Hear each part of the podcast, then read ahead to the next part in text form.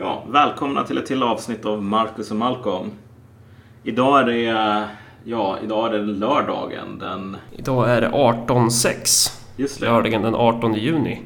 Eh, Och vi ska prata om eh, Brexit. Precis. Nu har ju solskenet och det fina vädret förbytts i grått och regn. Så det är ju ett otroligt passande ämne faktiskt. Ehm, Du tänker att det är brittiskt väder? Ja, precis. Här visar jag på mina, mina fördomar här när jag säger att eh, britterna inte har något fint väder eller något fint någonting annat överhuvudtaget för den delen. Jag känner ju alltid en lättnad inför den här sortens väder eftersom eh, det är mycket bättre väder att magsåra i eftersom man är så svettig annars. Ja, Eh, Men Brexit, vad, vad börjar vi? Ska vi börja med någon slags fakta om vad, vad fan det är för något? ja, precis. Det sker ju en folkomröstning ganska snart. Innan, en dag innan midsommar är det väl. Um, och det här är en omröstning om utträde ur Europeiska unionen. Uh, British exit. Så kallad Brexit. Uh, och det här har blivit en stor huvudvärk runt om i hela världen mer eller mindre. Eller i hela väst om vi säger så. Och då i huvudsak hos eh, förtvivlade ledarskribenter som inte tycker att det är anständigt nog eh, att hålla på och rösta om sånt här typ. Ja, förtvivlade ledarskribenter men också förtvivlade teknokrater, förtvivlade amerik- amerikanska diplomater, ehm, förtvivlade presidenter för EU-kommissionen, allting sånt. Alltså det är, det är väldigt många som gnisslar tänderna nu över hur dum i huvudet David Cameron var som någonsin lät folket komma nära en sån här viktig fråga. Och det ironiska här är ju att det var inte det som var tanken från början, så vitt jag har förstått saken. Alltså, det var aldrig menat att det skulle bli så här allvarligt. Ehm, därför att Tories, den, den brittiska, det brittiska högerpartiet, så, är otroligt splittrat i, i, i dess relation till EU och den sortens alltså, in, europeisk integration. De är inte alls som svenska högern om andra ord. Nej, där precis. majoriteten är väldigt pro-EU. Ja, nej men precis. Om du tänker dig, de som är mest pro-EU av de liksom stora partierna är Labour. Och i Labour så har man inte alls kunnat mobilisera för någon sorts um, stark ja, eh, liksom, vi ska vara kvar. Liksom, så, därför att Corbyn vann.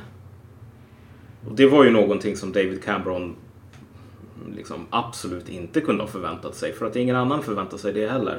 Men Corbyn är ju en sån här person som inte direkt är en maskinpolitiker. Och han har inte varit framme med piskan och sagt åt alla att det här tycker partiet att ni ska tycka. Utan han håller på att tjafsa på om så här, ni får bestämma själva och sådana saker.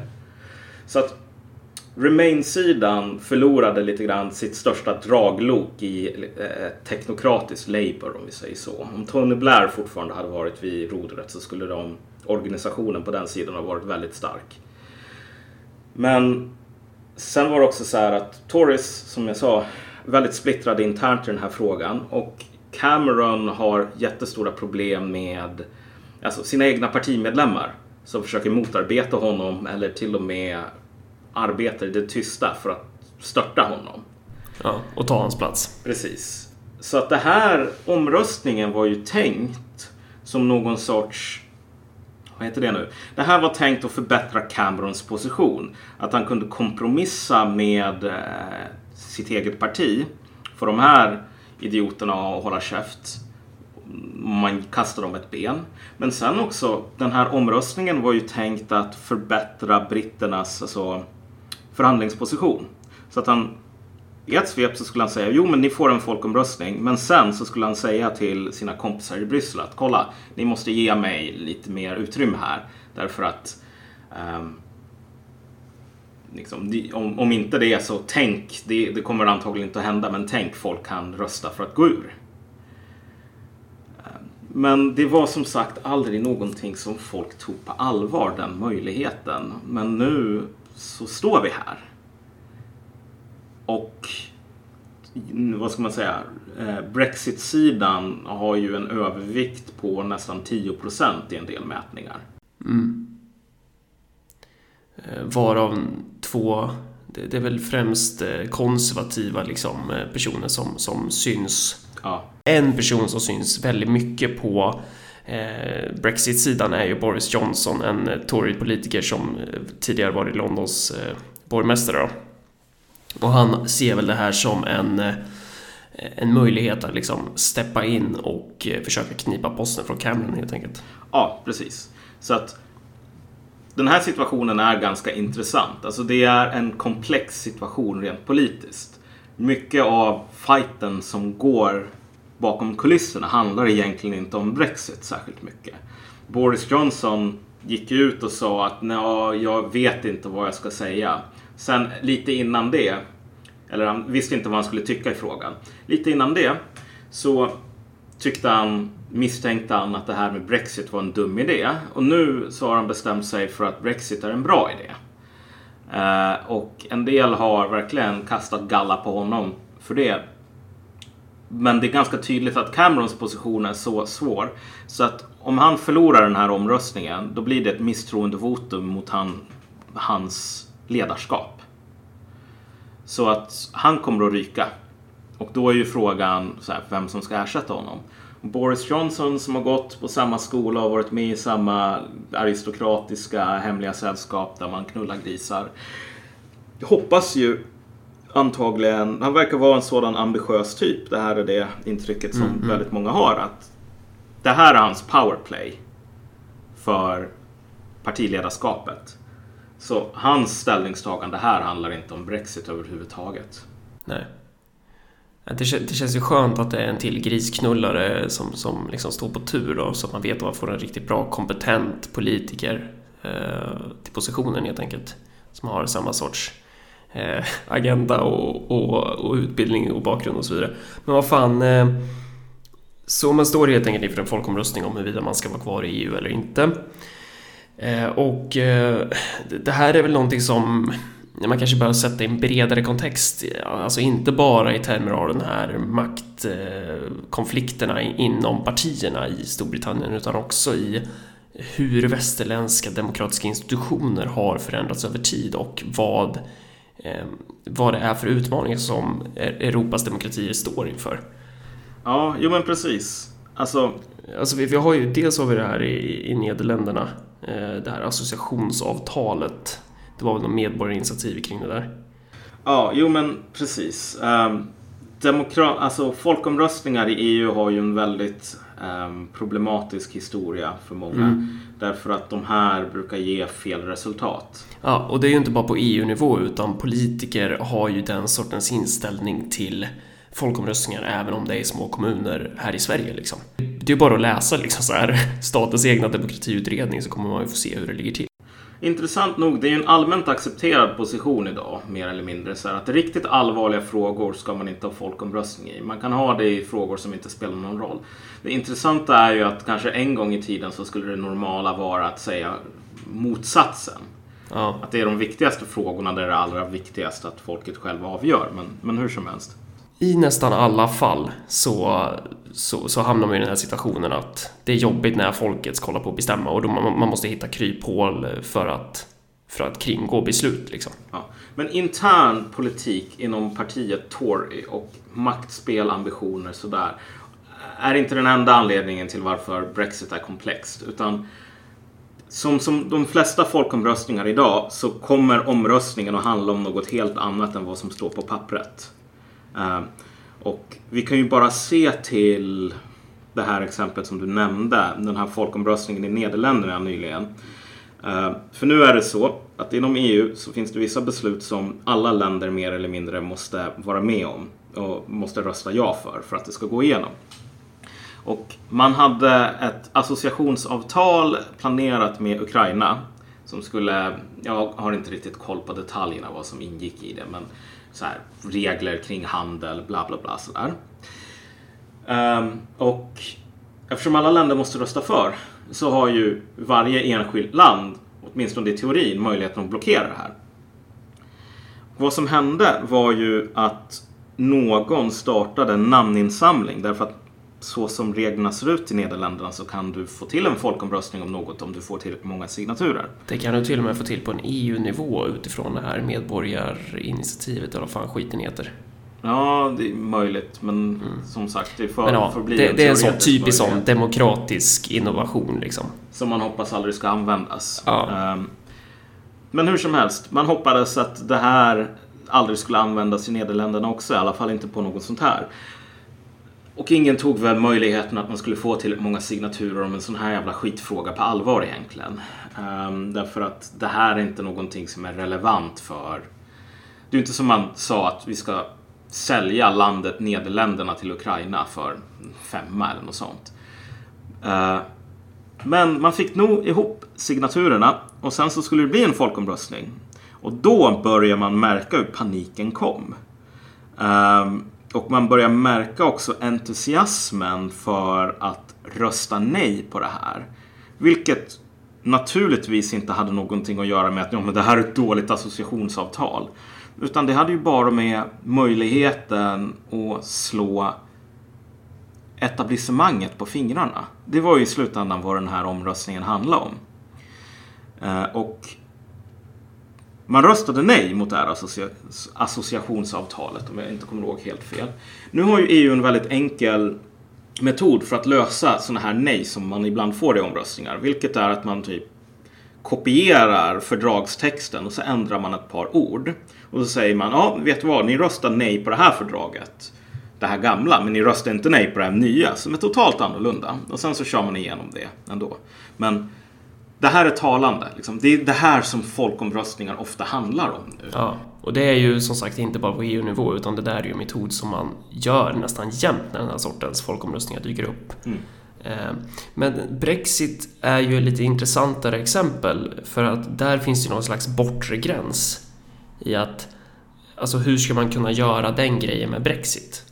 Alltså man, rent om jag bara ska vara lite skämtsam, man skulle kunna döpa om EU till typ EU 2.0 och säga så här, men ni röstade för att gå ur EU, men ni röstade inte för att gå ur EU 2. ja. Uh, men det kommer antagligen inte att hända.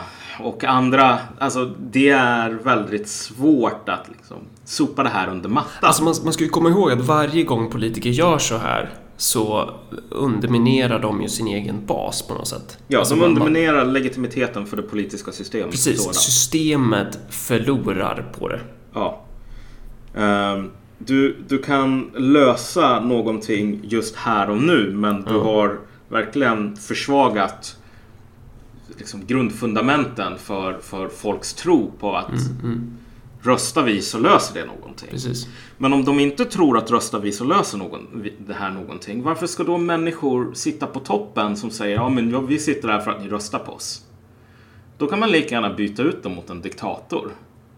Om ingen tror på det demokratiska systemet så kommer folk att säga men typ vad förlorar vi på en diktator? Och det är en helt berättigad fråga. Ja, och det är en, alltså det är en fråga som, som ställs runt om i Europa återigen. Eh, så, så går det.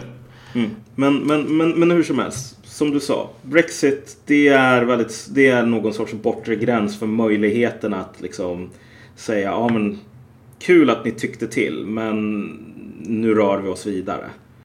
Nej men alltså det, det finns det, det, som man också måste förstå är att ett utträde ur, ur EU för Storbritannien skulle bli otroligt problematiskt bara rent praktiskt. Därför att så som de politiska situationen ser ut så finns det ganska många i till exempel Frankrike som säger att ett utträde måste bli så otroligt smärtsamt så att det bara går. Vi måste fucka Storbritannien så hårt som man bara kan så att inte Frans, våra undersåtar, fransmännen, kommer på samma idé. Um, så att hela den här situationen är så att säga överdeterminerad. Det handlar väldigt lite om Brexit egentligen.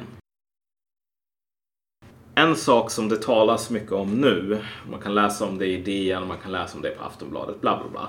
Är ju vad kommer det här att få för effekter? Kommer det här att vara bra? Kommer det här att vara dåligt? Och den här sidan som säger att man ska gå ur är ju ofta tämligen, vad ska vi säga?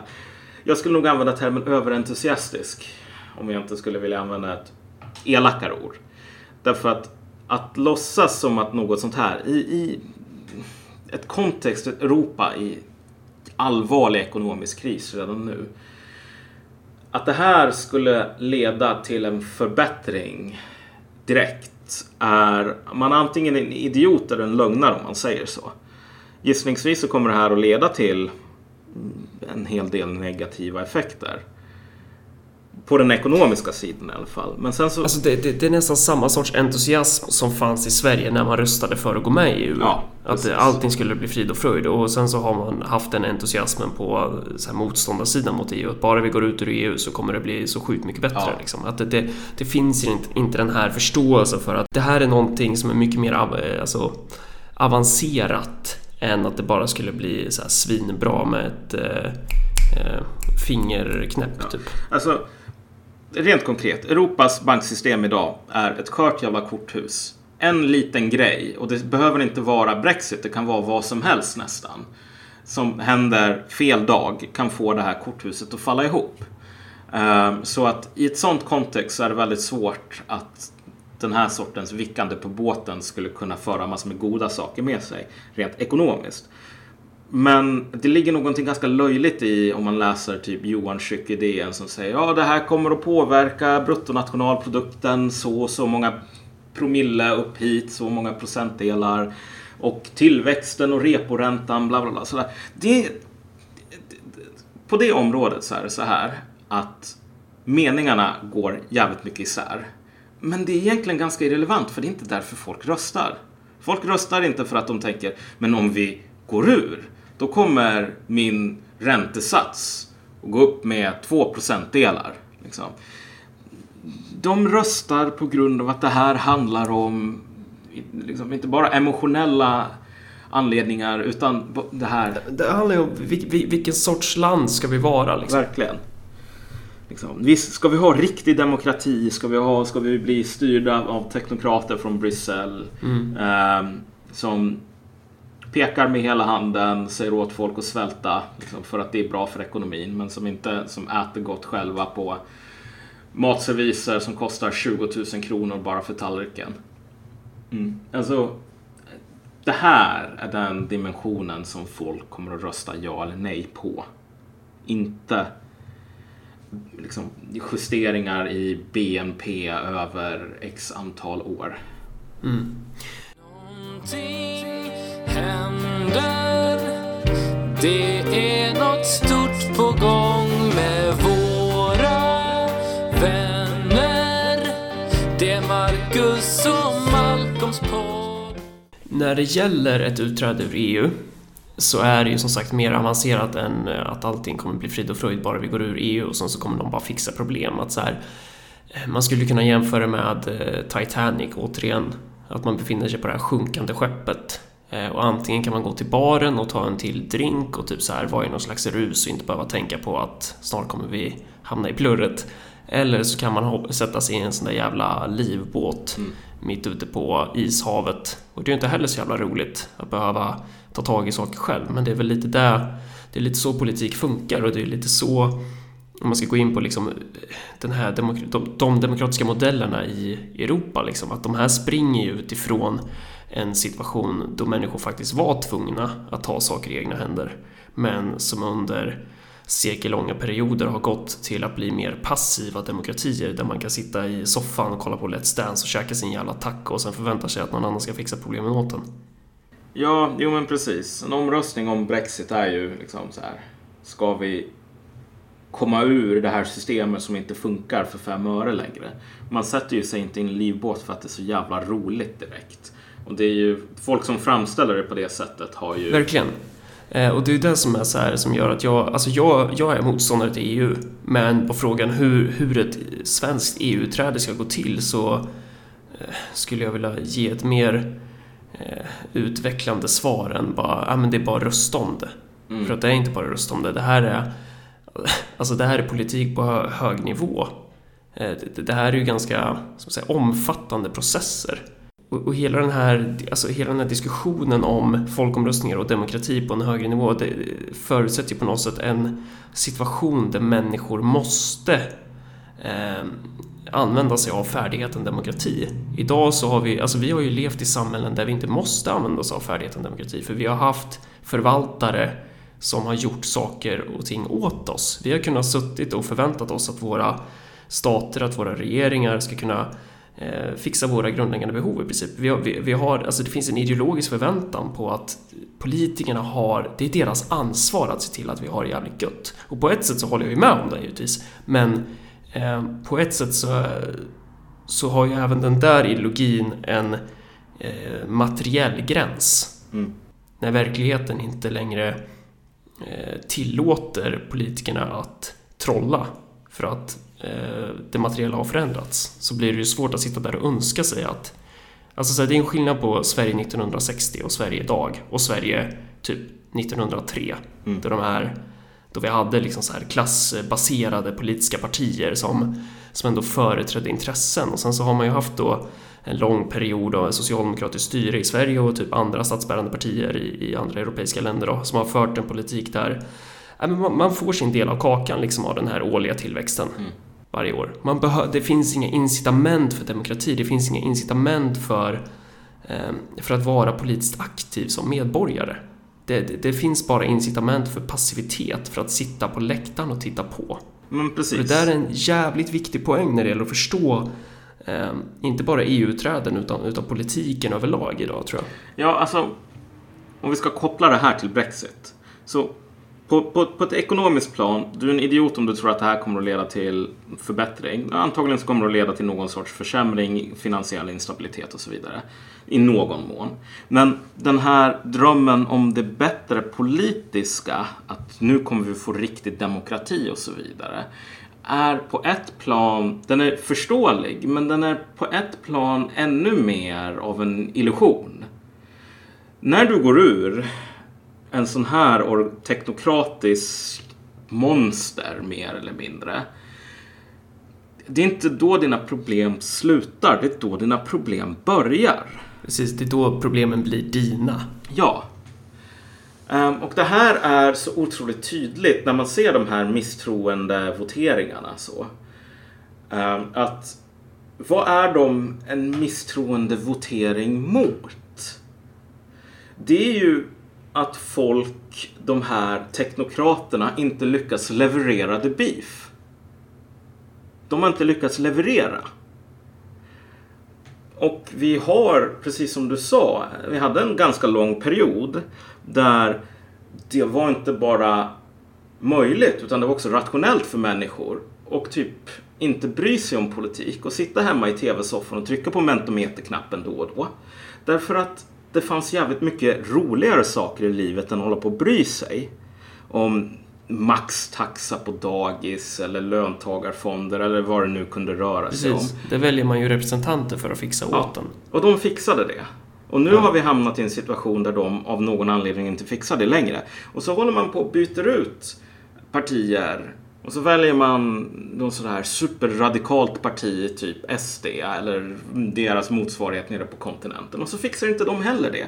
Och så trycker man igen på mentometerknappen och så, tills man hoppas kunna hitta något, någon knappkombination som gör att den här jävla snickersen ramlar ur godisautomaten äntligen. Mm.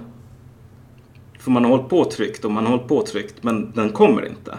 Mm det här är, det här är i slutändan den, vad ska man säga, den kompromissen som vi fick i Europa efter andra världskrigets slut. Därför att Europa före andra världskriget var fortfarande ett land, en kontinent snarare, där de europeiska länderna såsom Tyskland och Frankrike och Storbritannien, det var stormakter. De här länderna, de var stormakter, de tog inte order från någon. Och du hade politiska organisationer som höll på att slåss för vad de tyckte av, liksom, skulle vara framtiden. Och de tog inte heller order från någon.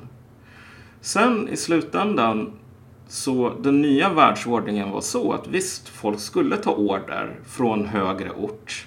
Men de fick som plåster på såren så fick de en högre levnadsstandard. Så här. Italien idag är ett ganska rikt land, men man sa så här att om det italienska kommunistpartiet vinner så kommer vi att avskaffa demokratin. Alltså, det var öppet att eh, USA, NATO, skulle gå in i det här landet och få ordning på allting om folk fel låt vann. I ett sådant samhälle, i en sådan tid, så förr eller senare så lär sig folk att acceptera den rollen som mäktigare människor än de har gett dem. Vilket är att sitta i tv-soffan och trycka på mentometerknappen. Det är helt, helt fullt förståeligt, men i slutändan, den där världen håller på att försvinna. Och med den kompromissen så försvinner också, vad ska man säga, piskan kanske försvinner, men moroten försvinner också. Mm. Det finns inte idag längre några politiker, ingen teknokrat, någon sosse som du kan vända dig till som kommer att fixa allt det du vill ha. Om det du vill ha är eh, det Sverige som vi hade i en tid där både arbetare och kapital kunde enas om saker och ting därför att deras den konflikten mellan dem var inte lika akut av olika materiella skäl.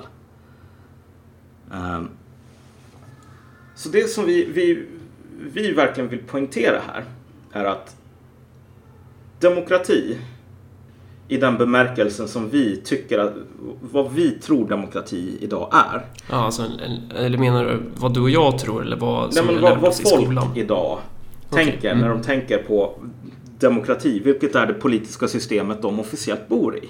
Ja. Vad går det ut på? Jo, det går ut på att man väljer representanter som i och för sig inte så jävla representativa alltid. Nej. Men man väljer representanter som fixar grejer åt en. Ja. Um, och vi har alla olika rättigheter som vi kan hålla på att påkalla och som det är representanternas jobb att... Hörsamma. Ja, precis. Men den där bilden är ju en bild där folket så att säga är otroligt passivt. Folkets roll är att välja en annan sorts, liksom, vad ska man säga, människor. Alltså det är ju en modell som, som du säger, där, där folket är passiva. Alltså modellen bygger ju på en minimal, alltså, vad fan heter det? minimal folklig påverkan. Ja. Det var fjärde år. Så så ska man bli utvärderad och sen, eh, sen, ska, sen ska folket ge fan i att lägga sig i helt enkelt. Jo men precis, men, men det är inte bara så att folk ska ge fan i att lägga sig i. Det är så här att man har en förväntan om att man inte behöver lägga sig i. Ja. En gång i tiden så var det så att politik var tråkigt. Jag orkar inte bry mig om maxtaxor på dagis. Jag orkar inte bry mig om löntagarfonder hit och jävla äh, äh, liksom räntesatser dit och liksom vad vi ska investera de här pengarna. Vad fan, det är någon som sköter det. Den attityden funkar jättebra under vissa förutsättningar. Men... Ja, när, när någon kan sköta det liksom. Men idag så verkar vi att de här personerna har slutat sköta det här. Precis. Um, men frågan är också om de skulle kunna det även om de ville. Ja, men det är det jag menar att så här, ekonomin har förändrats och då förändras också de demokratiska systemen. Eller de politiska systemen ska man säga. Att det här, det här följer ju på det. Det finns en lögn idag som är en, en så, vad ska man säga, utbredd så att ingen förstår att det är en lögn ens. Och det är så här att vad, vad folk vill ha egentligen är mer demokrati. Ett slut på teknokraterna. Det är inte alls vad vi ser. Vad vi ser är folk som vill ha bättre teknokrater. Teknokrater som äntligen gör det som är deras jobb, vilket är att, jag vet inte vad, typ det beror på vem du frågar, men för vänstern så är den perfekta teknokraten en som typ sätter skattesatsen på rika till 100% och sen lägger det på typ alternativa danskurser. Eh, det är någon som ska fixa saker och ting i alla fall. Och nu så vill vi ha bättre människor som fixar saker och ting. Och förhoppningen i, i, för många verkar vara i fallet Brexit är att så fort du, kom, du ändrar från Bryssel till Westminster då kommer de här teknokraterna att sköta allting. Liksom. Då kommer det att bli rätt sorts politiker. Politiker som inte är dumma. Uh, och jag menar, vi behöver inte gå in på den otroliga naiviteten i den bilden. Men det är också så här Alltså det, det där är ju en, det är en stor fara som, Ja. som vilar i det där. Eh, också en möjlighet, men eh, jag ser ju knappast några, alltså om man ska titta på de aktörer som aspirerar på att utnyttja det här som uppstår eh, så är det ju snarare organisationer med diktaturtendenser Ja. än vad det finns liksom om man ska ta ett annat exempel, alltså Rojava i eh, den delen av Syrien som är Kurdistan då. Eh, där håller man ju på och verkligen experimenterar med demokrati på en helt annan nivå för att där är det så här nödvändigt att man måste lösa problem i sin vardag. Om Ja. man ska ta det som exempel. Liksom. Alltså, någonting sånt ser vi inte i Europa. Mm. Det, det, de som aspirerar på att utnyttja det här det är, det är helt andra sorters politiska aktörer om man säger så. Mm, och, och jag menar, liksom, det som måste sägas här, för vad jag är ute efter här är inte att sitta och bara, ja, folk som inte håller med mig, de är dumma, så här, Ja. liksom kortsynta så, utan jag vill bara poängtera eh, någonting som folk lätt missar, vilket är att riktig demokrati är sämre än teknokratstyre. I bemärkelsen att du måste göra någonting i en sådan. Alltså 60-talets Sverige, för alla dess skavanker och så vidare, var ju kanske så långt som man kommer om, i, i, i utvecklingen mot eh, eh, Folkets passivitet. Nej, men inte bara det, utan så här, den här sortens hedonism som är jag kan bara leva mitt liv så som det nu är och aldrig behöva bry mig om några större frågor därför att jag tycker de är tråkiga. Och jag tycker inte att det är något fel i att tycka att det är tråkigt med maxtaxa på dagis eller jag vet inte vad, avtal, bla bla bla, fördrag, sådana saker.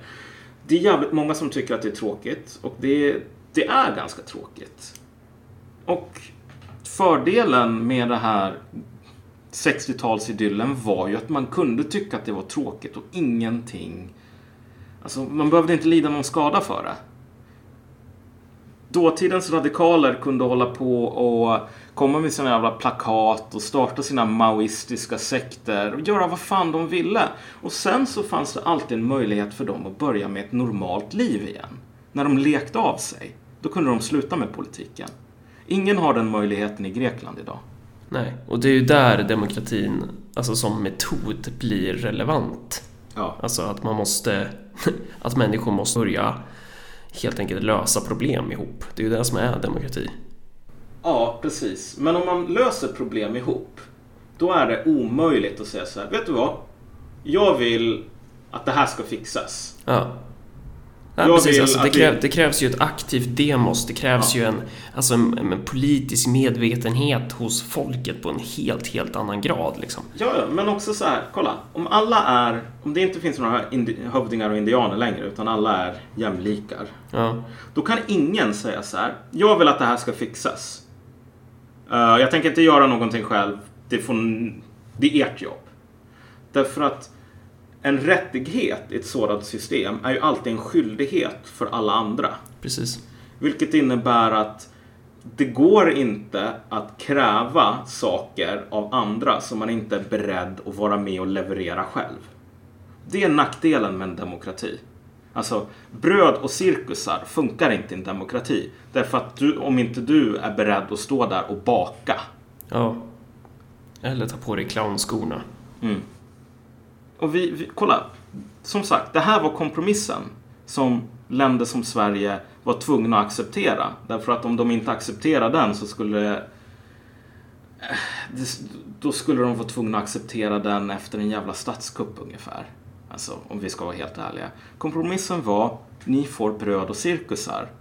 Men ni ska inte bli någon jävla sovjeter av er inte. Vi får se vad som händer nu med Brexit. Men egentligen, det är ganska irrelevant om britterna stannar eller går ur. Därför att förr eller senare så tror jag att EU kommer att gå sönder. Det håller redan på att gå sönder nu. Det finns ju ett otroligt passande Marx-citat eh, som jag inte kan eh, citera nu då, men, men det är ju någonting i stil med det här med allt fast eh, för- förflyktigas och det här med att människor måste se på varandra med nyktra ögon och allt vad fan det kan länka ja. det här någonstans sen. Det är fan, det summerar ju det här så perfekt. EU kommer att gå sönder, men när det väl gör det, när nästa land går upp till rakning, antagligen så blir det Frankrike eller Italien som kommer att rösta nästa gång och gå ur. Det är inte då som problemen tar slut, det är då som problemen faktiskt har börjar. Och jag tror jag har sett väldigt lite, väldigt få verkar förstå att liksom, det kommer mera. Mm.